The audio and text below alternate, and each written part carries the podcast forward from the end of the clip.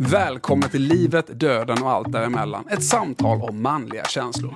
Vi är så stolta över att vi till säsong två har haft en samarbetspartner i Kalmar FF. En klubb som vågar ta samtal på allvar genom sitt projekt Kalmar FF med hjärtat. Vi vill våga ha samtal där alla gäster bjuder på sig själva. Våga berätta saker som de annars inte har valt att berätta. Det manliga samtalet är viktigt. Varför är män överrepresenterade allt som faktiskt är dåligt? Tillit en grund till ett bättre samtalsklimat. Vi vill bidra på vårt sätt och vi vill tacka dig för att du lyssnar. Karl-Erik är ordförande i Svenska fotbollsförbundet, första vice ordförande i Uefa, en av Sveriges mest erfarna domare genom tiderna och den kommunpolitiker som haft högst valresultat för sitt parti i svensk historia. Hur har han varit som pappa? Vad har krävt för uppoffringar och vad har det gett? Detta kommer att bli ett av de mest intressanta samtal jag någonsin har haft. Alltså, vi sitter hemma hos dig på din altan, coronaavstånd och så. Och sen så i Uddevalla och sen så sitter jag och dricker kaffe här. Och då säger jag så här, du den färgen är, är svart och gul. Den hade min pappa aldrig druckit i den muggen. Och då blir vi skrattade vi som tusan. ja, men vet du, Lindos BK rött och vitt, va? Emmaboda IS gult och svart. I den generationen så var det lite så speciellt. Så att, så att jag, jag, jag är tveksam om man hade, om man hade klunkat ur den. Men, men eh, nu för tiden är det ju fantastiskt gott samarbete, utgår jag från över alla gränser. Men jag var pingespelare i, i Emmaboda IS och när morsan skulle sy på det klubbmärket på tröjan hemma i köket i Lindås, ja då tittade farsan lite långt, det måste jag säga. Det är ju helt fantastiskt. För är det någonting som eh, du är för mig, Karl-Erik Nilsson, så är det ju liksom föreningsmänniska. Alltså så långt ner i fotsulan man kan komma och hela dig. För det, vi pratade innan om, om, jag tycker att du är extremt diplomatisk. Jag försöker lära känna er jag pratar med så mycket jag kan inför samtalen. Och du för det, du, ganska lite konflikter runt det och sådär. Och sen så pratade vi innan här att det bygger nog ändå på en genuin, livslång kunskapsbas som gör att man faktiskt är trygg i de flesta situationer när det rör de här frågorna. Jag har, jag har ju förmånen att få, få, jobba med någonting som jag har varit i hela mitt liv. Liksom jag var ju en tvärhand hög tror jag när jag var på eh, idrottsplatsen i Lindås första gångerna och, och, och liksom den föreningen har jag ju varit uppväxt med och haft varenda roll i. Och, och sen en mängd, mängd olika roller inom fotbollen. Och det är klart att det gör väl att man, man liksom ändå känner sig hyfsat trygg. Men vad som är viktigt är att jag, jag fortfarande har den här föreningskopplingen genom att jag nu är aktiv i, i, i den mån jag hinner i IK Oddevold i, i styrelsen.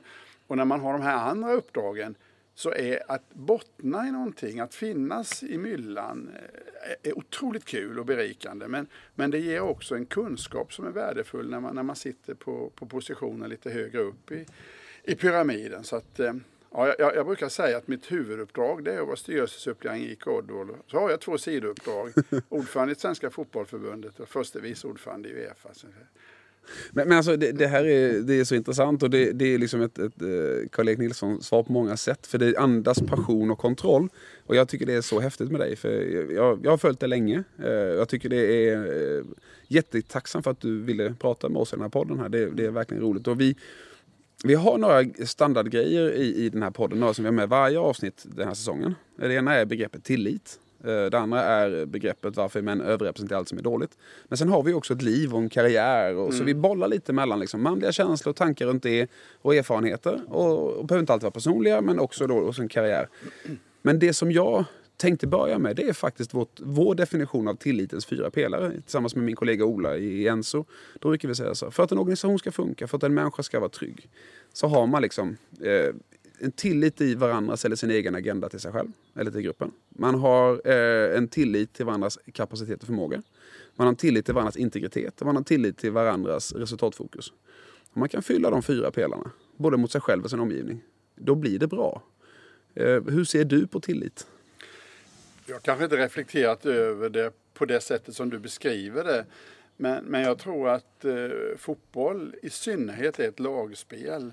Och min erfarenhet från, från både tidigare år i, i, politiken och inom idrotten är att ska det bli någonting så behöver du skapa ordentlig delaktighet. Det här är inget eh, enman, ingen enmansshow utan ska det bli bra så måste väldigt, väldigt många vara, vara aktiva och, och driva frågor. Och en förutsättning för det det är att man är med och påverkar, att man skapar delaktighet. Att inte det är något eh, top-down perspektiv där man försöker trycka igenom en fråga. Så att, eh, det skapar väl möjligen tillit och trygghet i organisationen. Men det skapar också en himla bra kraft när det är dags att genomföra de där idéerna som man har snackat om under mm. lång tid. Så att, ja, jag, jag tror, och, och jag, jag minns det, det är ganska påtagligt utifrån min, min, min domarroll. Eh, det är 19 år sedan nu, gubevars. Men, men jag menar om en assisterande domare ute på, på, på sidan håller på och jobbar och sliter och vinkar offside och en huvuddomare negligerar honom gång på gång på gång. Till slut slutar man vinka därför att man känner ingen tillit i, i teamet. Så att jag tror att det är otroligt viktigt att man är klar över sina roller och att man känner trygghet med varandra. Men att man också litar på varandra. Eh, det är klart att det, det, är klart att det skapar förutsättningar för bra resultat oavsett om det domeri eller man spelar i ett lag eller, eller vid sidan om planen i, i en styrelse eller ett gemensamt arbete. Att eh, finns inte tilliten, ja, då tror jag det blir svårt att nå bra resultat. När du dömde på eh, Wembley och San Siro inom loppet av en vecka. Eh, när du eh, var i hetluften i Champions League-match och sådär. Hur pratade ni domare med varandra? För jag, menar, jag är alla, en av alla de fotbollsmålvakter. Jag flyttade till Kalmar, började fotbollsgymnasiet en gång i tiden. Jag har varit med på hyggligt hög nivå ändå. Ja, men jag har ju inte varit snäll mot domarna liksom. Det är ju bara att konstatera att det, det har jag inte varit alltid. Framförallt när jag spelade. Mm. Uh, men hur, hur, hur pratar man i, i ett domarrum enligt dig utifrån perspektivet att det måste ju ta någonstans? Jag har funderat på det jättemycket i ja. mitt liv. Alltså jättemycket. För det är, en, det är en, en grupp, oftast män, nu fler och fler kvinnor, som de tar otroligt mycket känslor. Mm. Hur hanterar man det i en sån grupp? Jag tror att trycket på domarna idag är ju oerhört mycket större än vad det var i, i, på, i min generation. Det är som sagt var 19 år sedan jag slutade. Men det är klart att av och till var det ordentligt tryck på oss också. Jag menar att äh, domarrollen är ju som den är. Den, är. den är utsatt på det sättet. Men att att, att, resonera efter match, att analysera efter match. Och det som var tryggheten för oss tror jag, det kom alltid en helt neutral domarobservatör som tittade på hur vi hade jobbat utifrån liksom ett rent professionellt perspektiv. Men kunde också lyfta oss och ge oss positiv feedback kring det som var, var jobbigt att hantera. Hade vi varit lämnade bara åt det som spelare och ledare och publik sa till oss, då hade det varit en mycket, mycket jobbigare process. Men när vi kom in i omklädningsrummet, då fanns det en oberoende där som var där bara för vår skull. Och han kunde ofta balansera upp de här resonemangen så att när man lämnade arenan då så var det oftast bearbetat och man kunde gå vidare. Sen, tror jag att det gäller alla naturligtvis utsatta roller, att, att att man lär sig att skilja på, på den roll man har och den person man, man är. Det, det, är ju inte Henrik och Hannas och Albin och Philips pappa de skäller på där ute på fotbollsplanen. Hade jag liksom suttit på läktaren eller haft en helt annan roll, nej, nu hade jag domartröjan på mig och då är det domartröjan och domaren man skäller på inte personen. Det där är ju oerhört lätt att säga. Ja, jag tänkte liksom. säga, nu ska jag bryta det, för det, ja. det, nu blir det liksom diplomati igen lite. Mm. Och det, men, men alltså, någonstans är det ju ändå människor som, det kan kosta, ett felbeslut kan kosta en klubb 10 miljoner, 20 ja, miljoner. Men, och fansens enorma, alltså det måste ju någonstans kan man ju inte helt skärma sig från det, eller kan jo, man det ja, verkligen? Det tror jag att man, när man har man kommit så långt i sin domare, då kan man skärma sig från det. Det är superproffs verkligen vi pratar om. Ja, men för det blir helt, det blir helt, o, det blir helt omöjligt annars mm. att, att fungera. Utan man är väldigt här och nu och, och sen konstaterar man att det är otroligt, det, är det värsta en domare vet är ju att man efteråt kan se att det där var helt uppåt väggarna och matchavgörande. Och, och, och vad jag var på väg att säga det är att det, det, är inte så himla lätt att bara vifta bort det. Det är klart att det sitter och en svart rubrik sitter. Och jag, jag, jag, jag har ju varit med så himla många år men, men så hård hud blir aldrig min fortfarande utan att att på något sätt är det väldigt, väldigt, väldigt tufft liksom medialt. Det är klart att det, att, att det känns. Va? Jag, jag, de som säger att de alltid kan vifta bort allt, jag, jag tror inte riktigt på det. Men en, ett sätt att vaccinera sig mot det, det är ju att inte vara och läsa och allting. Jag, jag läste nästan aldrig om mig själv i, i någon av mina roller och, och det, det, gör det hela lite lättare faktiskt. Men domarobservatörens roll tycker jag var jättespännande att ta upp här. För jag vet att Henrik, din son, är ju domarobservatör ibland, åker runt mm, ibland. Alltså mm. Det är också i genetiken på något sätt, mm, ansvaret. Mm. Men den rollen blir ju både då nu ska vi utvecklas. Men det blir också en liten psykologroll då. Absolut. Därför att eh, han kan ju också fånga upp, han eller hon kan ju fånga upp liksom stämningar i matchen. Och, och det är ju ofta före detta domare också som har erfarenhet av exakt samma miljö. Och eh, Visst, man kan tekniskt säkert utveckla en domare som dömer på högsta nivå, men det är kanske är ännu viktigare att ta hand om personen om det har varit tufft och stökigt. Så att den rollen är, är ovärderlig.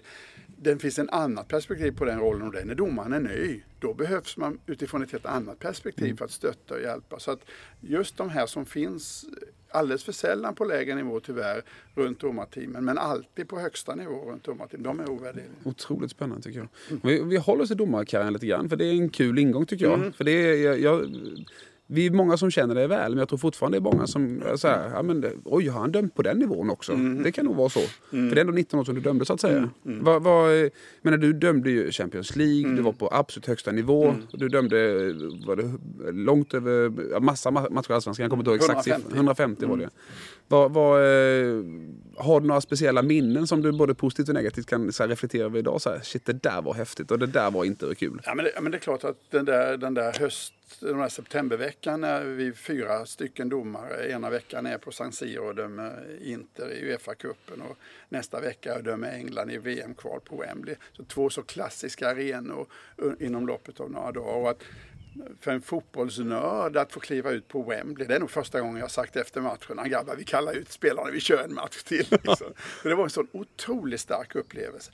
Till det hörde ju att det var precis i den vevan som prinsessan Diana hade omkommit. Mm. Så, så London var ju något alldeles speciellt. Tänk att få blåsa en gång en tyst minut på Wembley. Typ alltså det, är, det är sådana, ja. man får gåshud fortfarande av det. Så mm. det är otroligt starka minnen. Och sen naturligtvis eh, min första Champions League-match fick jag ställa in på grund av regnväder och det var ju liksom en upplevelse bara. Vilket debacle! Ja, vi spelade dagen efter istället. Så, eh, nej, det är otroligt fina upplevelser och, och jag eh, slutade ju som sagt var eh, sommaren där, där 2002 men hade ju väldigt fina upplevelser också på hemmaplan. Men eftersom det också var en kombination med mitt jobb som, som kommunstyrelseordförande i, i hemmakommunen Emmaboda så, så klart att eh, ja, det kändes perfekt direkt och, och, och slutade. Och jag slutade när det fanns en åldersgräns, 45 år, som internationell domare och jag, och jag slutade när den kom. Okay. Är det någonting av dem som du skulle, där skulle vilja ut också? Jag skulle väl ha haft det där minnet med mig också som domare. men det är klart, jag fick ju döma en U21 EM-final eh, år 2000. Klart det hade varit otroligt kul att få döma en, en, en, en klubbfinal också i Europa. Men det, liksom, det tänkte man kanske lite på då. Va? Men jag, jag har ju fått döma i flera olika världsdelar och jag har fått döma stora mästerskap och en mängd matcher i, i, på alla nivåer i svensk fotboll. Jag är väldigt tacksam över det. Jättekul. Innan vi går tillbaka till eh, liksom, Karl-Erik från början och barn och ungdom och sådär och mm. politik och så. Så jag tänker ändå, när vi var tuschade i den här, eh, det är en tanke som kom till mig nu, eh, domarobservatörrollen. Så, så har jag äran idag att coacha ett antal unga fotbollsspelare som, som under coronapandemins inverkan sitter i lägenheter runt om i Sverige och som, mm. som är, tränar då ett antal gånger i veckan och inte har så mycket annat att hänga upp sitt liv mm. på. Och de får inte träffa kompisar och det är ganska strikta regler från, från föreningarna och sådär. Eh, hur ser Eh, Svenska fotbollsförbundet på de här frågorna? Har man det här uppe för samtal någonting? Men vi pratar om observatörer för domarna men det är många unga män, nu pratar vi om män, jag vet att det är lika mm. mycket kvinnor, så vi misstolkar mig inte för att mm. inte veta det, men det är en podd om manliga känslor. Eh, alltså, har man någon fundering kring liksom, observatörer? Agenterna har ju en resultatfokus. Mm. Eh, mm. Tränarna har resultatfokus. Eh, föräldrarna är ju mest, åh vad duktig du är. Mm. Vem, vem, kan man från förbundets sida faktiskt mm. utforma domarobservatörrollen för dessa unga och lite äldre män som ja, faktiskt upplever olika känslosprång? Du är på någonting och jag vet ju att bland eh, i toppklubbarnas organisation så så, så, resonerar man ju kring det här med, med, med eh, psykisk ohälsa. Det, det, är på agendan på ett helt annat sätt även hos oss jämfört med tidigare. Och, och, och det du beskriver just eh, i synnerhet under det här coronaåret när när man har varit så, haft så begränsade kontakter med omgivningen. Men att man, dels att man ser varningssignaler men att det också finns eh, en struktur för att ha hand om de här varningssignalerna. Och, och, jag har heller inte tänkt på just begreppet domobservatör i det rollen men, men du har rätt att det, att det skulle finnas ett batteri personer som, som man skulle kunna på något sätt eh, Oberoende, engagera. oberoende Ja, av ja. föreningens agendor på något Ja, sätt. Alltså ja. jag bara, det var bara en tanke som slog mig. Men Nej, Kalmar FF med hjärtat gör ju det här som ett bidrag till exempel. De är med oss i podden här i år. Mm. Men jag menar att just det här för individerna. Att Ja. man faktiskt för förbundet säger nej, ni måste faktiskt ha någon utomstående som, som har Mm. Reality det, check. det, är, ju- det är värt att resonera för att varje person som kan, kan hanteras på ett bättre sätt och, och må bättre i de här frågorna som är ofta ganska känsliga. Det, det är ju otroligt angeläget att, att hitta det. Va? Så att, eh, det pågår mycket mer diskussion om det idag men, men det är klart att vi är långt ifrån färdiga. Kan det snabbt bli mer konkret? Ja, det är möjligt. Eh, Vi, vi får ta med oss tanken. Ja, jag älskar det. Ja, härligt. Eh, jag tycker det är en spännande tanke. Vi pratade med lite artister i den här serien också nämligen. Och de är ju väldigt noga med att säga att när jag kanske i perioder faktiskt verkligen inte ville gå vidare. Det vi hade ett samtal igår och, och då kom Avicii-arenan upp och sådär. Eh, och då var det liksom just att ja, men på axlarna på artisten så hänger ju bandets gage, managerns pengar och många andras löner så att säga. Så det blir ju många som, som hänger, hänger på de här killarna. Jag stannar kvar en sekund till Ja. vid det bara för vi behöver inte diskutera med för det finns ingen praktisk lösning. Men du som person, alltså, hur, hur, du hade nytta av domarobservatörerna själv Ja, otroligt. För det, det hjälpte mig liksom att rensa bort en del av det där. Ja. Men, men det är klart att de tuffa rubrikerna och, och de uppföljande mediala eh, tuffa diskussionerna eh, gjorde ju att, att, att man fick bearbeta sen ganska mycket själv. Och, och se- sen någonstans Snart är det dags för nästa match och nästa fokus och då, då trycks det där successivt bort. Och jag tror att man också lär sig att känna sin egen kropp. Så länge tanken finns där i huvudet, ja men då äter den. Men efter några dagar så försvinner tanken och då har den slutat att äta på en. Och sen samtidigt så sätter man sig själv många gånger i en, i en större roll än vad man egentligen har. Man tänker, ja men det här blir enda grannarna snacka om den där felaktiga straffen Ja, i ja. Malmö. Men så är det ju inte. Livet går ju vidare ändå. Va? Men själv så blir den ibland större än vad den i verkligheten är. Och, och då behöver man ha någon, någon att snacka med det. Ja, jag tycker det är jättespännande. Eh, du är lärare Ja. från början. Lärarutbildningen klar, eh, 79 i Kalmar. Mm. Du är uppväxt i, i Lindås. Eh, du har eh, varit ledamot i, i fullmäktige i Emmaboda eh, från 85 till 95. Nej, till Nej. 2006. Ja, men jag tänkte sen blev du KSO. Ja, ja, ja, Ja, jag tänker så. ja, Ja, ja. Men man också, då är man också Ja, ledamot ja, i- naturligtvis. Men jag bara, du bytte funktion Ja, i, led, i led, det är- det är- fullmäktige. Ehm, berätta om dem. Alltså, det är ju jättespann jag just har sagt. Men, Ja. men kan liksom, vad, vad var det som gjorde att du lyckades driva igenom ett val i en kommun där något parti aldrig har fått större eh, valresultat än, än vad ni fick eh, något år där? Nej, och, och då är det viktigt att säga att det, det var inte jag, utan det var vi tillsammans som fixade det. Men det är klart att eh, som ledare så har man en, en roll eh, både i framgång och, och i motgång. Men, men, men, eh, nej, men det var ju fotbollen på något sätt att tacka det här också. För jag var en engagerad fotbollsledare i Lindås BK som hade synpunkter. Och till slut så var jag med på fullmäktigelistan och, och kom in i fritidsnämnden. Yes, nu ska jag förändra världen. Och så fick jag plötsligt upp ögonen för att det fanns mer saker än Lindås BK där som kommunerna då pysslar med. Så att, ja, det var en himla nyttig samhällsskola de där åren. Eh, jag är väldigt tacksam för det. Sen är jag också otroligt tacksam till de som var samtida politiker med mig i de övriga partierna. Därför att jag var ju internationell fotbollsdomare parallellt med det här. Om någon hade sagt att vi accepterar inte att du är ute och dömer i Europa, du ska vara här hemma i Emmaboda och sköta kommunen. Men tvärtom, vi tror det är bra PR för Emmaboda, så lycka till Karl-Erik. Och, och då kunde vi balansera det där. Så att, eh, en, jag kan säga när jag kom ut i Europa och dömde internationella matcher och man konstaterade att kombinationen var borgmästare, internationell domare, då trodde de inte att det var riktigt sant att den kombinationen var möjlig. För schablonbilden av en borgmästare där ute var inte en idrottskille som jag faktiskt eh, såg ut som på den tiden. Ja, Det gör du fortfarande. Men det där är roligt alltså för just ordet borgmästare eh, Ironman speaker som pratar om mycket internationella evenemang. Ja. Eh, Han presenterar The Mayor, det är Ja. något väldigt, väldigt stort. Vi ser inte riktigt det så här i Sverige på det sättet. Det Sen formellt sett är väl, är väl borgmästaren kanske egentligen eh, per definition fullmäktiges ordförande då. Men, men, men det blev ju ofta så att man, Ja, men det, man, det är ju den titeln man tar. Mm, Men eh, vad, vad, om du ska försöka, för det första så byggde du laget då som du säger själv. För du, du själv var iväg mycket så behövde du andra människor Mm. ja, som gjorde mycket av jobbet jo, så åt dig tillsammans med dig så att säga. Sen, sen var det ju så att jag hade ju bra connection med både Fifa och Sven, eller Uefa och Svenska fotboll. Så jag dömde ju inte. Jag var inte den som dömde flest matcher om man säger så. Men det gällde ju att hålla igång. Jag var tvungen att träna och så visst, det tog sin tid absolut. Under den här tiden så eh, pappa till Henrik och Hanna, Mm. 77-79. Japp. Eh, I, i din, första relation så att säga. Mm. Väldigt ung pappa. Ja, det måste Till du ha två varit. härliga barn. Jaha. Hur gammal var du när du fick Henrik? Du är eh, hade inte- 64 nu. Jag hade du, inte fyllt... Jag, Henrik föddes i mars och jag fyllde 20 i maj. ja, Ja. det är Det är otroligt tidigt. Det är otroligt Och sen tidigt. två år senare kom Hanna. Ja, så kom Hanna. Ja. Redan då som 22-åring. med andra ord. ja. Tvåbarnspappa som, som, som 22-åring. Ja, det är häftigt. Och sen eh, fullmäktige och internationell domare, KSO. Ja, ja, nej men det är klart. Du, du, du fattar ju själv. Men, men är det någonting som, som ni liksom i, idag utifrån då perspektivet manliga känslor pratar om? Att fan, fast du var inte hemma mycket då? Nej, men det, nej, vi vi har inte snackat så himla mycket om det så. Det kan, det kan jag inte säga. Men, men det är klart att det, det var ju ett faktum na, naturligtvis. Och, och det, det är väl liksom, det är ju alltid den där, den där balansen. Vi, vi, hade, vi var ju unga båda två eh, med, med, med, med två barn. Och, och en del att ha de här uppdragen vid sidan om var ju faktiskt att, att få tusan få vardagen att gå ihop. Jag vet ju hur otroligt extremt lite pengar vi hade som dryga 20-åringar när, när eh, månaden, eh, liksom, eh, när allt var betalat. Va? Så det är klart att en del var ju att också skaffa sig någonting vid sidan om som också kunde ge, ge en slant så man kunde liksom klara vardagen. Så det, ja, det, var, det, var, det var ganska tuffa tider där, tidigt i ungdomen. Liksom. Viktiga aspekter du pratar om.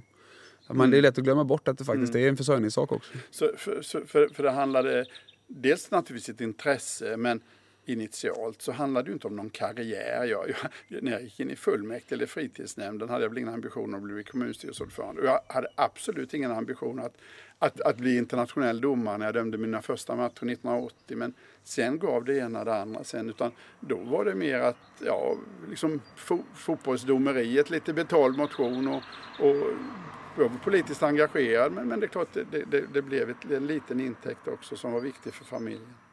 Den tiden, eh, som man säger, borta från familjen ändå som det blir. För det blir ju mer och mer naturligtvis över åren. Mm. Hur, hur eh, eh, ni har liksom inte, det är återigen, det är ingenting som ni har snackat om sådär efteråt. Utan det var en försörjning, det var bara så det var där och då.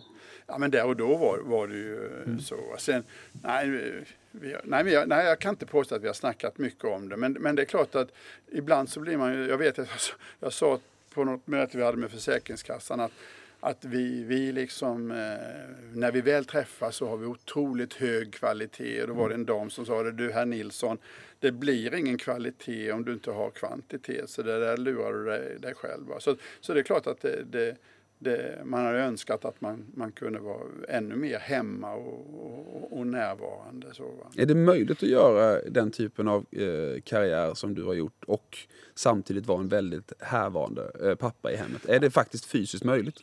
Ja, jo men det, det kan det nog, det är det nog. Men, men det är klart att ju mer långa resor du har desto svårare blir det. Men, men i början var det ju inte några långa resor, då var jag ju på hemmaplan. Och, och är du kommunstyrelseordförande i en kommun så är du ändå, tillbringar du ändå merparten av tiden hemma. Det är väl nu mer, eh, mina, mitt resande har ju blivit mer egentligen nu på senare år med, med fotbollförbundet och, och, och det internationella där. Därför att med all respekt för både Emmaboda och Uddevalla, men liksom, ska, det är ju ofta i Stockholm det, det handlar om när det gäller Sverige. Eh, Pandemin kanske har lärt oss att vi ska mötas mer digitalt nu. Så Kanske spara någon resa imorgon ja, i alla fall. Så, så det? Tror du det kommer bli så? Ja, men det tror jag. Det tror jag. Uefa menar du återigen första Ja, vice ja, ordförande ja, är Uefa. helt, helt övertygad. Alltså den, vi arrangerade ju damernas Champions League-final. Ett fantastiskt evenemang utan publik, tyvärr. Men hela den förberedelseplaneringen har ju skett digitalt. Det hade nog kanske varit fem, sex besök från stora Uefa-kontingenter här i Göteborg annars. Så att Jag tror att vi har lärt oss. Och en del kommittémöten som är några timmar där hela Europa flyger till, till Schweiz för ett möte och sen hem igen. Ja, men det kanske vi också kan klara mer digitalt. Så att någonting tror jag vi lär oss av, av det här. En, en, en kombination av, av, av teknik och fysiska möten. Vi går vidare. Alltså, Mm. 91 så gifte du dig med Lena. Denna fantastiska kvinna som du fortfarande Mm. lever med här i Uddevalla. Eh, och det är därför du bor här i Uddevalla Ja. nu mer från eh, småländska skogarna. Yes. Eh, Fifa-domare och vi har gått igenom styrkor och tankar Mm. där. Och, och sen kom liksom nästa eh, barnaduo. Någonstans Ja, i mitten på 90-talet, Just eller hur? det, just det. Då Just blev det. du pappa igen. Ja. Till eh, vad heter det, Albin och Filip. Mm. Albin Två killar som är vuxna nu också nu. Ja, ja, min själ. Albin är ju 25 och Filip är 22. Så att, ja, tiden, tiden går. Häftigt. Så fyra barn, för vi pratade inför här, eh, liksom, eh, sen ska vi gå in på Uefa och allting här, men eh, att familjen, för topp tre i ditt liv har du skrivit till mig när du skrev underlaget till mig. Det är barn och barnbarn. Vi har, jag har touchat lite på kanske att du inte alltid varit hemma och sådär, men jag märker när vi pratar med musik och instrument och, och de tillfällena när ni möts, det är otroligt, det bara, du bara lyser ju upp. Det är ju verkligen Jo, du på något det- sätt, det ja, märks men- att du är en extremt stark familjemänniska. Jo, men så är det. Sen, sen så har ju så att säga mitt resande och farande gjort att... Eh, och, och, och det blir, det just längtan efter barnbarn är ju påtaglig för nästan alla som, som har barn. För mig blir ju det lite speciellt. Jag, jag, fick, ju en, jag fick ju en ny egen kull. Eh, samt, så mellan mitt äldsta barnbarn Elton som tar studenten här nu snart och, och Filip skiljer ju bara tre år. Va? Så, så det blir en väldigt annorlunda förhållande när man har barn som är nästan jämngamla med sina barnbarn. Så på det sättet så, så, så, är det, så är det, har det ju naturligtvis varit annorlunda. Och sen, nu finns ju barnbarnen en, en bit ifrån oss eh, nere i Småland allihopa. Men den här sommaren hoppas jag att vi ska kunna ses ordentligt uppe, här uppe i Borås. Jag tänker post-EM här sen så, Mm. så har du kanske några, får du också ha några veckor ledigt eller? Hoppas det. Det beror lite grann på hur det blir med OS också och om vi får resa in till, till, till Japan eller inte. För då, då hoppas jag att eh, kika på en OS-final där Sverige är med också. Det hade varit så jävla Ja, läckert. det hade varit häftigt. Det hade varit så läckert. Eh, din, ditt sätt att leda tycker jag eh, vi ska vilja lägga en liten stund på. För att, eh, det är väldigt tydligt tycker jag när jag lyssnar på det och alla samtal, vi började på det tidigt. Att jag upplever att det har varit väldigt lite konflikter runt dig, som det har varit väldigt lite skriveri i negativ kontext. Vilket du säger, ja, men jag tror det beror på att jag är inte en person som går in och styr alla sakfrågor. För vi är ett team som leder eh, förbundet. Och sen har vi ett antal an, anställda under det, så de gör sina roller. Och, och jag ska se till så att det här tillsammans med andra funkar och att folk mår bra. Och det är så jag tolkar dig. Eh, Så vi är liksom inte, det är inte jag som säger sakfrågor, så ska du göra, så ska du göra och så blir det. Utan jag, jag vill framhäva de jag jobbar med. Och då blir det ett vi på ett annat sätt. Så tolkar jag ditt Ja, ledarskap. Jag, jag, jag tror att det är otroligt viktigt. Det är viktigt i alla organisationer. Och om, om, man, om man flyttar för mycket fokus till sig själv och den egna individen, då, då blir det ingen kraft i genomförandet. Jag tror det är otroligt viktigt att man som ledare ändå jag har klart att jag har en idé och en uppfattning om vad, det ska, vad vi ska. eh, Varit, eh, tycker jag också rätt så drivande i vårt, vårt strategiska arbete. Men när vi väl har det på plats sen och när vi har skapat det. Så att jag ser mig mycket som att ja, det är viktigt att vara en processledare, att se till att vi kommer framåt i en, i en mängd olika frågor. Företräda liksom organisationen väl och, och vara med i de miljöer där det fattas tunga och avgörande beslut. Men sen så vill jag ju att det har varit en sån pass delaktighet i processen fram så att det också finns ett, ett tryck när vi ska genomföra. Så att, och, och då, då är de där sakerna jag nämnde innan, liksom delaktighet, att vara lyhörd, att vara processinriktad och att dela med sig av information. Så att man har en rimlig möjlighet att kunna påverka. För att om jag sitter med all information som jag har för mig själv, ja men då är det ju inte lätt att vara delaktig. Så att just det här att eh, dela med sig av informationsövertag och skapa förutsättningar för, för delaktighet. Jag, jag tror på den filosofin och jag tycker att vi i de organisationer jag har varit också, att man, att man får bra kraft i genomförandet. Du har nämnt ett antal tillfällen ett par förebilder på ledarskapssidan eh, för dig själv. Och då har du Len- Lennart Johansson är ett namn som kommer upp väldigt frekvent så att säga.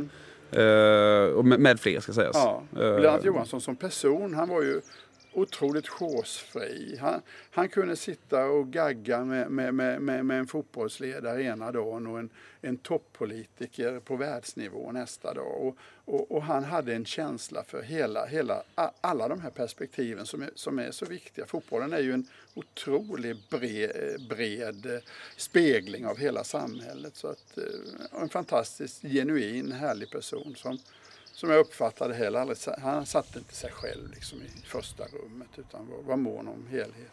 Det tror jag alla som har en bild av Lennart Johansson Mm. kan skriva under på. Det är ganska tydligt att ni, att du, alltså, jag tycker det är tydligt att du har honom som förebild på ett sätt.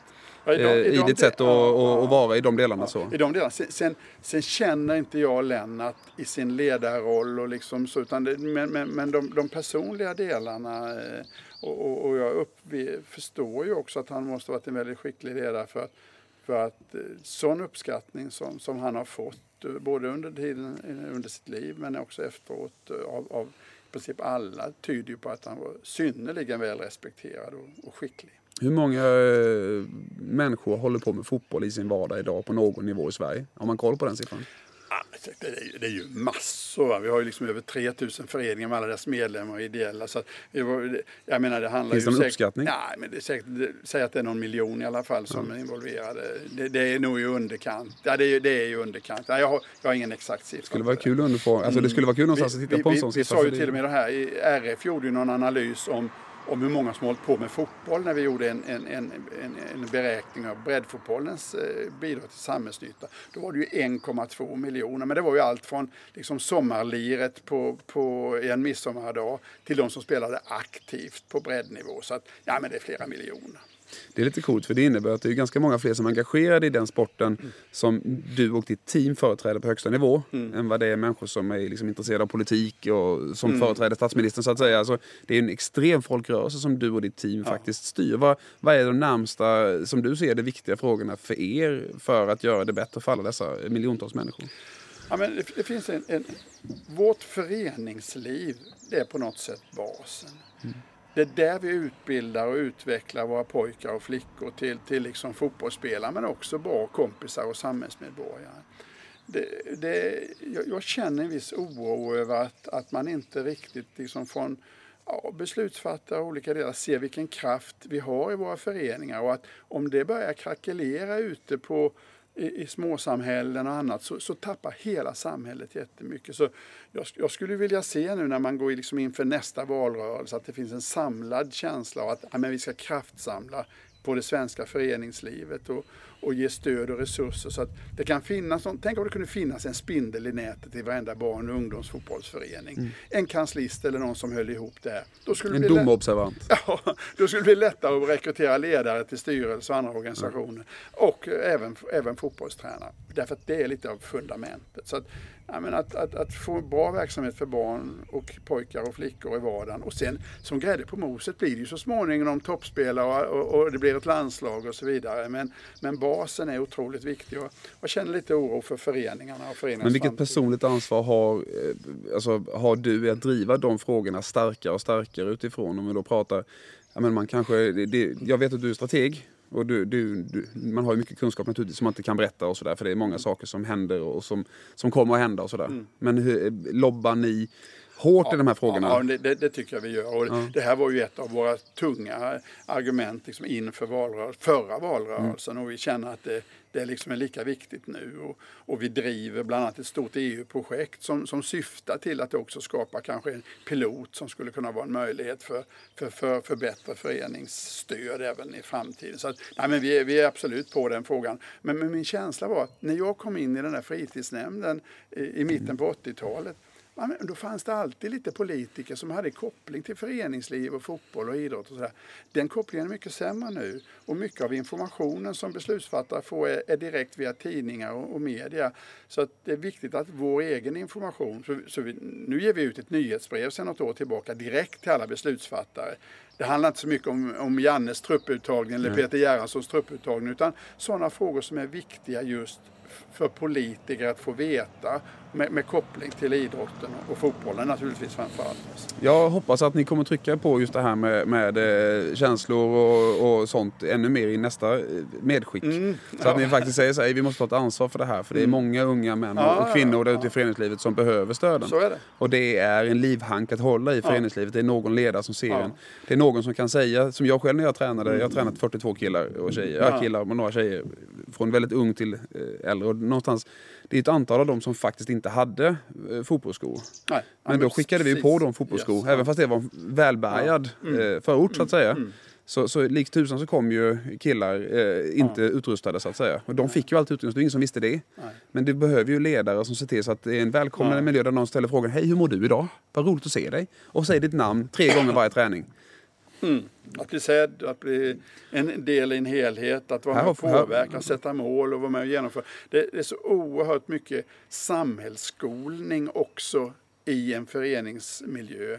Vi vill ju att de ska gilla och utveckla sig som fotbollsspelare men på köpet får ju samhället en massa andra saker som, som folkhälsa, demokratifostran och ansvarstagande. Så att det där är någonting som speglas alldeles för lite. Utan det är naturligtvis eh, landslag och toppfotboll och allt som är kopplat till det. Men, men hela den breda basen som är helt avgörande för det andra, den, den får vi inte glömma bort. Jag tror det är en jätteviktig fråga att lyfta. För det, man märker det. Återigen, kan jag säga till alla tränare att säg alla barns namn tre gånger varje träning. Bara, Mm. Ja, bara tre klart, gånger. klart. Bra jobbat Björn. Mm. Bra jobbat Björn. Bra jobbat Björn. Du kommer få bli sedd. Det är klart. Och du, du blir bekräftad. Du kanske påverkar. någon form av känsla att våga prata om någonting Ja, som faktiskt ja. annars tynger dig, som du inte vågar ta hemma.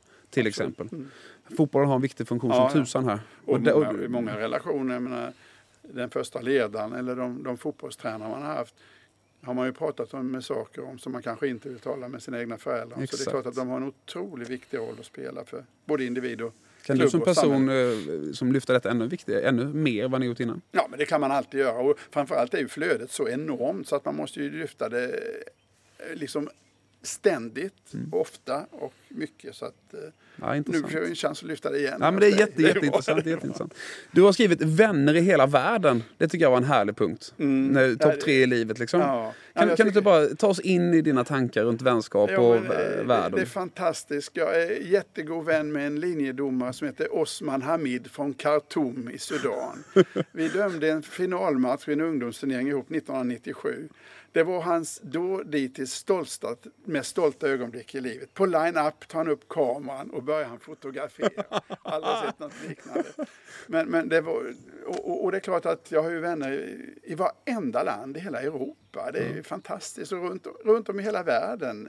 Och, och vad, vad man tänker, ja men när jag är färdig en gång med det här då ska jag liksom åka och besöka alla. Det går ju inte. Men, men eh, att åtminstone göra en Europaturné och, och, och, och bocka av några stycken. Om det nu blir av, det är ju lätt att säga. Va? Men, men det är klart att eh, det är otroligt kul. Och vid, vid födelsedagar Ja, men så mycket mejl från när och fjärran så att ja, då blir det liksom en reminder igen. Så att eh, ja, det, det är en gudagåva att, att, att ha så mycket goda vänner runt om i världen. Är du duktig på att skapa vänskap också eller Ja, blir det ja, vänner mest?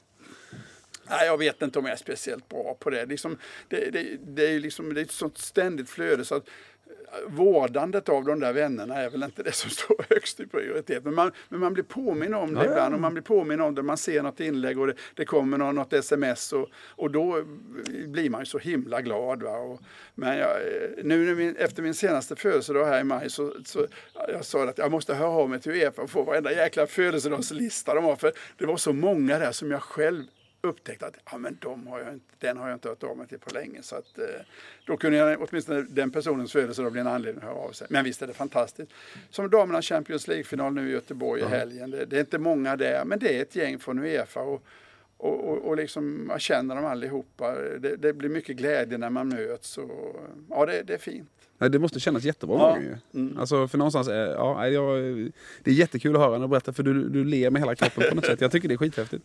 Ehm, Uefa då, vi pratar om Svenska fotbollsförbundet och framtidsutmaningar. Jag är ju lite partisk här, jag styr ju lite vad jag tycker att det ska Ja. sägas som du märker. Och det, det går du ju inte på naturligtvis. Men, men jag tycker fortfarande att de här frågorna är viktiga för jag tror att det är roten till faktiskt framtida föreningsliv. Och verklig betydelse för framtida föreningsliv. Det är en övertygelse för att få med oss den breda politiska massan också. För det måste man ju spela spelet liksom Mm, lite.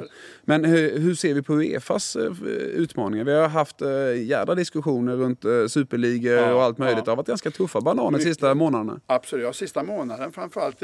trodde ju nästan att det där hade blåst över. Det brukar ju poppa upp med jämna mellanrum när man ska ändra lite i klubbturneringarna. Då kommer ett hot och det har ofta varit för att positionera sig har vi uppfattat det. Men nu, nu var det ett rejält hot och jag har sällan sett så mycket bleka nosar bland mina kompisar i Europa som jag gjorde där i, i, i Schweiz för en, för en, en, i slutet på april tack och lov så, så inom ett par dygn så, så verkar det ju som att det var överblåst och nu har ju nio av de tolv utbrytarna krypit till korset, eh, bett om ursäkt och eh, accepterat att, att så att säga också göra rätt för sig rent ekonomiskt. Eh, Tre av dem är, är fortfarande liksom eh, en diskussion. Men är det, för menar, det, här, det uppfattas ju utåt sett från medias sida som en, en, en fansens insats i sammanhanget. Ja, Sen var det säkert diplomati bakom också. Men, Ja. men det kändes nästan som att det var fansen som räddade. eh, Liksom, eh, Jag tror det var en, jag tror det var en kombination av väldigt mycket. Det var en, en, en massivt motstånd från andra klubbar som blev, naturligtvis blev otroligt svikna av, av de här 12 kompisarna som, som bakom ryggen gjorde upp om det här. Eh, hela fotbolls-Europa, de 55 nationsförbunden var ju som en röst i det här. Politiker på, på, på högsta nivå i de här länderna som det handlade om, Spanien, Italien och, och Storbritannien lägg där till då den här kraftfulla manifestationen från fansen så, så, så, blev det här naturligtvis bara för mycket. Då, va? Och jag tror att dels så hade de nog inte kanske riktigt räknat på de här konsekvenserna. Sen hade nog en del av de här ägarna totalt noll koll på hur viktig den här europeiska sportmodellen är. Att man faktiskt kvalificerar sig för, för att göra sig förtjänt av att vara med på nästa mm. nivå. Och det är klart, är man uppväxt med de amerikanska ligorna, NHL och Major League Soccer, där, där det är stängt, så, så kanske inte man förstår den här kraften som det här. Det är i alla fall flera amerikanska ägare gett uttryck för. Så Intressant. Förhoppningsvis är vi nu liksom vaccinerade mot, mot ja, det här. Men några år i alla fall, för det är, mm. allting förskjuts ju någonstans alltså, mm. i någon form av bild. Men, men det, här, det, här, det här utbrytningsförsöket Ja, jag, nu har jag inte total överblick men, men det måste väl vara ett av de mest kraftfulla som har varit i, i, ja, i modern I min värld är det absolut ja, någonsin i Europa. Mm, ja, jag skulle tro det. Va? Men, men, så nu, för nu kändes det som att de, det verkligen var på riktigt. Och om det hade blivit verklighet Ja, men då hade det påverkat det där vi pratade om innan. Mm. Gräsrotsfotboll, landslagsfotboll, klubbfotboll i hela Europa. De där tolv hade nog inte varit lika solidariska med att fördela medel som, som fotbollen som helhet är. Men är, är är en av Uefas framtida uppgifter faktiskt att, att uh, sanera från ekonomisk doping på ännu större allvar. För det är det vi pratar om. Vi pratar om föreningar som lever lite kris ju. Mm. Eh, om man tittar på det big picture. För det är mm. någonstans ändå så att de här, några av de här tolv är ju på fallrepet enligt mig eh, och enligt många ja, andra. det är klart att den här coronaepidemin, det, det gäller ju att ha en, totalt sett har ju den europeiska klubbfotbollen, bortsett nu från coronan, återhämtat sig och har betydligt bättre ordning på finanserna eh, än vad man hade kanske för 10-15 mm. år sedan. Men, men, men coronapandemin har ju satt ljuset på en, en mycket större komplex och, och komplicerad fråga nu. Så, att, så att när vi är igenom det här så får man väl liksom se vad det är för rescue plan som behöver göras mm. hos varje förening för att man ska, ska komma åt det. Men, men, men det är samma sak som för dig och mig. Det gäller att ha koll på vilka inkomster man har och sen inte konsumera mer än att man kan klara sig och helst lägga undan en krona också. Så, eh, så det är ju inte konstigt så. så därför gäller det ju att ha ett, ett sunt förhållande till det här.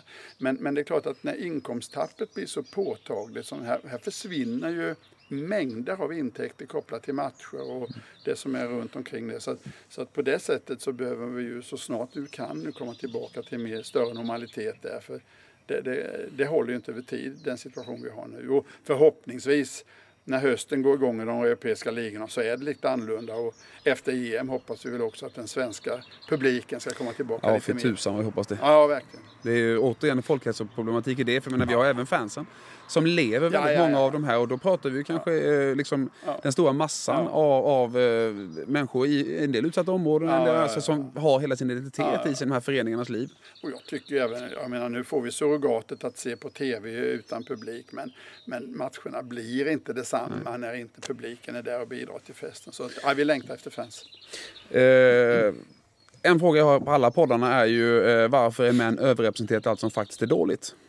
Enligt dig? Och då tänker du så här, det kan jag inte svara på för det är ja, jag inte förmäten men, men hur jag, tänker du? Här? Jag, tänker så här att män är väl förmodligen överrepresenterade i allting som är bra också. Därför att det har varit och, äh, männens värld under så oerhört lång tid. Det är ju först i, på senare år som vi börjar snacka om jämställdhet.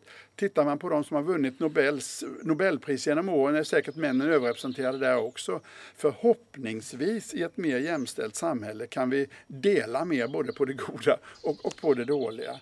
Eh, och, och män många gånger, det blir ju i de här strukturer vi har haft en väldigt ensidig miljö.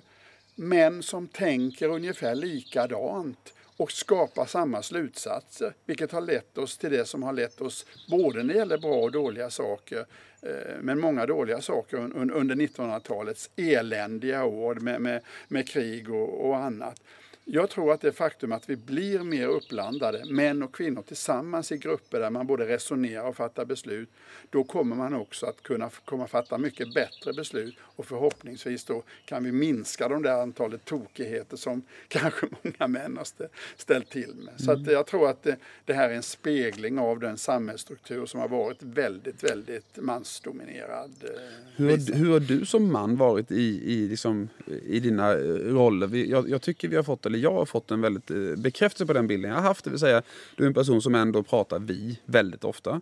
Du har, upplever jag utifrån Mm, ett samtalsklimat som är noga och sådär. Sen, så är det så, men hur har du, hur upplever du att du har ändrats eh, som man de senaste 25-30 åren? Nej, men det är klart att man är väl spegling också av den samtid man lever i. Så det, det är klart att man ändras. Jag, jag är ju uppvuxen med, med, med, med, med två bröder. Jag har varit uppväxt i, en fotbollsmiljö. Det, det, det, det är liksom mycket, mycket män runt omkring. Men jag vill nog påstå att min, mina föräldrar som båda var födda 2022 var ändå eh, jäkligt moderna i det här perspektivet. Och, och, de- och de delade på göromålen, eh, liksom i, i, i, drev ett företag tillsammans. Och att se morsan ute och tvätta bilar och, och ta hand om macken, det var, det var lika för, vanligt förekommande som att, att se, se pappa där. Så att eh, min, min mamma är ju en, en helt fantastisk människa som tog hand om pojkarna, eh, såg till att liksom hushållet funkade och dessutom då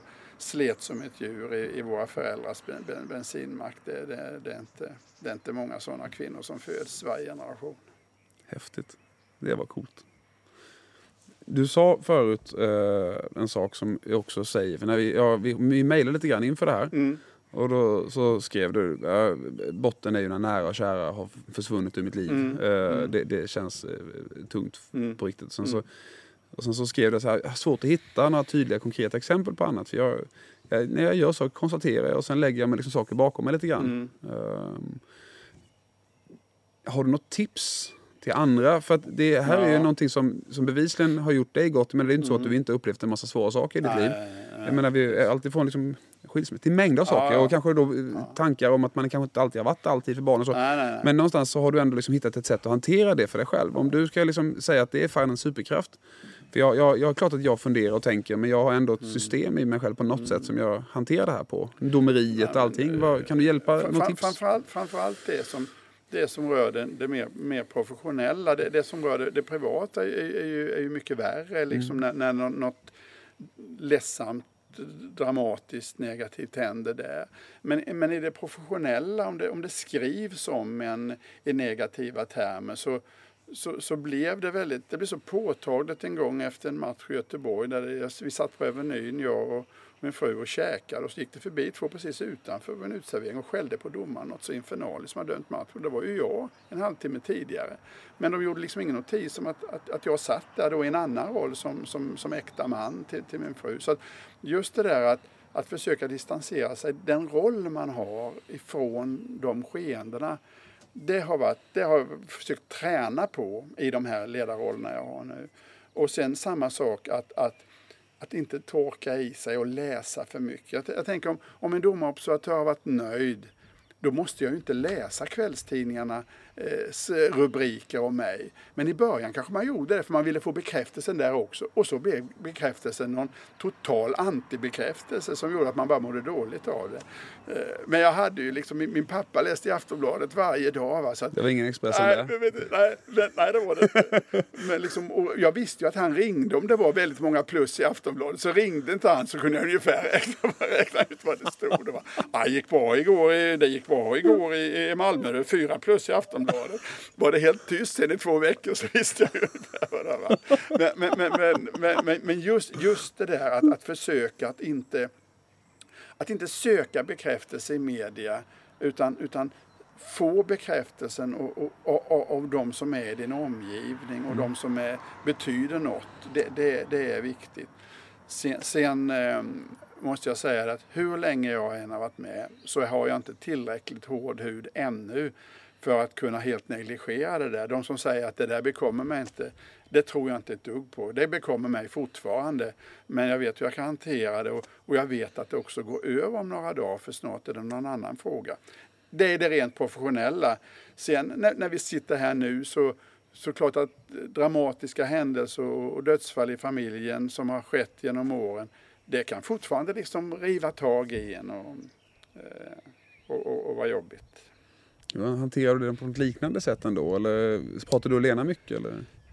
Ja, nej, men det, liksom, det, det, det, det poppar ju upp ibland sådär när man, när man, när man tänker på, på liksom familjen och, och, och sina bröder och vad som kan ha hänt och sådär. Så att, eh, Det, där, men det är liksom bara det, lär man, det är något man lever med och jag har ju inte det så nära. Det, det, det, det, det finns väl andra i, andra i släkten som har haft det betydligt, betydligt, betydligt tuffare då och väldigt nära sig. Och så man, man ska ha respekt för det. Och det tror jag bara att bejaka och, och liksom acceptera att det, ibland kommer det någon tanke och någon tår och då får man liksom ta det vidare därifrån sen. Det, man får inte stänga in för mycket heller tror jag utan försöka ut med det. Jag, jag har ganska, I det fallet ganska lätt att komma till, till känslor. Liksom. Jag är um, så väldigt, väldigt tacksam för att du uh, tog dig tid att ta emot oss. Uh, jag har haft ett uh, jättetrevligt samtal. Hoppas att du tycker det var trevligt också. Mycket trevligt. Uh, för er som lyssnar så, så är det olika typer av karaktärer på samtalen. Det blir det ju, för det är olika mm, människor. Mm. Men eh, ni har alla verkligen bjudit på er själva. Jag är så tacksam för att vi fick komma till Uddevalla och eh, träffas här på altanen på baksidan ja, till fågelkvittrets ja, ljud. Och sen så eh, hoppas vi ju nu, spelar vi in det här innan fotbolls-EM. Men det kommer mm. börja sändas efter. Ja, just, så just. vi vet ju faktiskt inte Nej. hur det har gått än. Men ska vi våga oss på en slutgiltig tippning här. Alltså för någonstans säger det här lite spännande. Jag, jag tänkte ändå att vi skulle prata lite landslag. Vi är inför EM. Ja, och sen så har vi sen så efter sen. Ja, så det blir en sån dokumentationsgrej här nu. Ja, men vi har ju, vi har ju liksom två häftiga saker att se fram emot. Vi har ju OS för damerna ja. där man genrepar i Kalmar med två häftiga matcher nu med, i, i juni. Och, och sen EM för herrarna, det uppskjutna mästerskap. Båda uppskjutna mästerskap. Men då kör vi så här då. Vi tippar inför mm. EM, fast det sänds efter. Ja. Och inför OS och det sänds ja. inför OS. Ja. Så kör vi båda och ja, exakt. Nej, men jag, jag, jag tror så här. Det är jättebra att vi möter gruppfavoriterna i öppningsmatchen. Förra gången mötte vi dem som vi nästan var tvungna att vinna i öppningsmatchen. Vi har allt att vinna. Och jag tror på poäng i Sevilla. Sen tror jag att vi slår Slovakien i andra matchen. Och sen känner jag att det ska räcka med en poäng mot, mot Polen. Jag, jag, är, jag hoppas och jag tror och känner att vi har verkligen en bra chans att ta oss vidare från gruppen. Jag tror på Sverige och Spanien från, från gruppen. Med fem eh, poäng? Vad sa du? Fem poäng. Fem poäng. Ja. Mm. Mm. Mm får gärna bli mer. Men ja, fem, ja, ja. fem poäng, det, det, är fine. Andra plats och då blir det nästa, grupp, nästa del i slutspelet. Sen kommer det då att troligen bli på Parken i Köpenhamn. Mm. Sen öppnar sig alla möjligheter. Och, och någonstans är ju det här laget så pass bra så att de kan slå vem som helst. Samtidigt är konkurrensen så stenhård så att man kan också förlora mot vem som helst om man, om man inte har dagen eller flytet. Så att, eh, nej, men jag är väldigt optimistisk. Jag har dragit en likhet mellan laguttagningen, trupputtagningen den här gången och Bengan Boys. Mm -hmm. För för mig så var Bengan Boys, eh, Bengan var ju inte en ledare som, alltså hans ledarskap var ju inte att släppa fram spelarna för att de skulle prata när det var en minut kvar timeouten. Hans ledarskap var att ha så enkelt vill mm. så att alla i truppen visste exakt vad de skulle mm. göra varje sekund. Mm. Så när det var en minut kvar och det mm. var timeout, då kunde han backa för att visste vad de skulle säga. Mm. Mm. Sen är det många som misstolkar och sagt att ledarskapet var att backa och låta spelarna bestämma mm. själva. Så när nästa förbundskapten tog över så var det ju tio olika vill. Det blev mycket värre att ha en timeout för spelarna då. så de hade missuppfattat vad ledarskapet var. Men jag upplever att det är ganska stora likheter mellan Janne och Bengans ledarskap. Att, att vi måste ha en trupp som fattar villet till 100 procent. För då kan vi försätta berg. Ja. Är det någonting som du... Nej men eh, laget är det bygger otroligt mycket och att spelarna har en trygghet i hur man ska göra i olika situationer. Det är mycket gnugg och det är, det är liksom verkligen detaljdrillning på, på träningarna. Skapa en oerhörd trygghet. Och när man märker dessutom då att det ger resultat, ja men då kan man ju försätta berg. Va? Så att mm. det, det visade sig, jag menar, vem i hela fotbollsvärlden trodde att Sverige skulle slå ut Italien i ett playoff till VM? Och trodde att Sverige skulle vara i kvartsfinal. Nej men det, det, det är fantastiskt. Lilla Sverige, vi är tia i maratontabellen på här sidan och femma i maratontabellen på damsidan hos Fifa i detta land kalla, karga, utan eh, folk. Vi höll på att avsluta det här så bara blir det så intressant igen. Det är helt underbart. Det är så här det kan bli när det är ett samtal om man inte klipper något som ni vet. Men det, vi har gott om tid kvar om vi skulle vilja. Nu har vi damerna OS. Ja. För det, alltså, det är ju ändå eh, OS och vi pratar ett landslag med självförtroende. Ja. Men alltså, snacka om kontrast. Oh. Här, här, här, möter vi också liksom, här möter vi världsmästarna i, i, i, första matchen. Det är samma upplägg som, som på här sidan. Men, men jag såg ju matchen mot USA i april, träningsmatchen på Friends Arena. Sverige var bra där, ja. förtjänade vinna. USA är otroligt, har otroligt stor respekt för, för Sverige. Sen är Nya Zeeland och Australien. Australien med Tony Gustafsson som förbundskapten. Men, Aldrig underskattat Tony Gustafsson. nej, men det är 12 lag som deltar. Åtta går vidare till kvartsfinal. Och jag är ja, man kan ju aldrig garantera något, men jag skulle bli otroligt förvånad eh, om inte Sverige är bland de åtta som är kvartsfinal. Och sen kan allting hända. I, för fyra år sedan, ja, fem blir det ju faktiskt, i, i Rio de Janeiro så, eh, så eh, blev vi ju silvermedaljörer efter en, en, en häftig finalmatch. Så att eh, vi är bra och folk har respekt för oss. Och Vågar du sticka ut hakan och säga att det blir OS-guld? Nej, det, det, chansen finns. Nej, men Det- du sticka ut och säga ja, att det men blir det, det? det, är liksom, det är så mycket som ska hända. Men, men, men det, Sverige är ett av de länderna som absolut kan vinna OS-guld.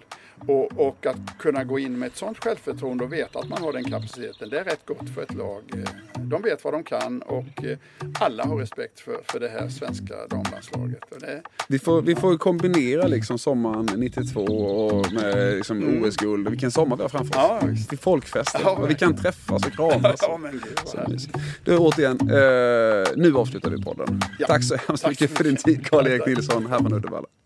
Välkommen till livet, döden och allt däremellan. Ett samtal om manliga känslor. Vi är så stolta över att vi till säsong två har haft en samarbetspartner i Kalmar FF. En klubb som vågar ta samtal på allvar genom sitt projekt Kalmar FF med hjärtat. Vi vill våga ha samtal där alla gäster bjuder på sig själva. Våga berätta saker som de annars inte har valt att berätta. Det manliga samtalet är viktigt. Varför är män överrepresenterade allt som faktiskt är dåligt? Tillit en grund till ett bättre samtalsklimat. Vi vill bidra på vårt sätt och vi vill tacka dig för att du lyssnar.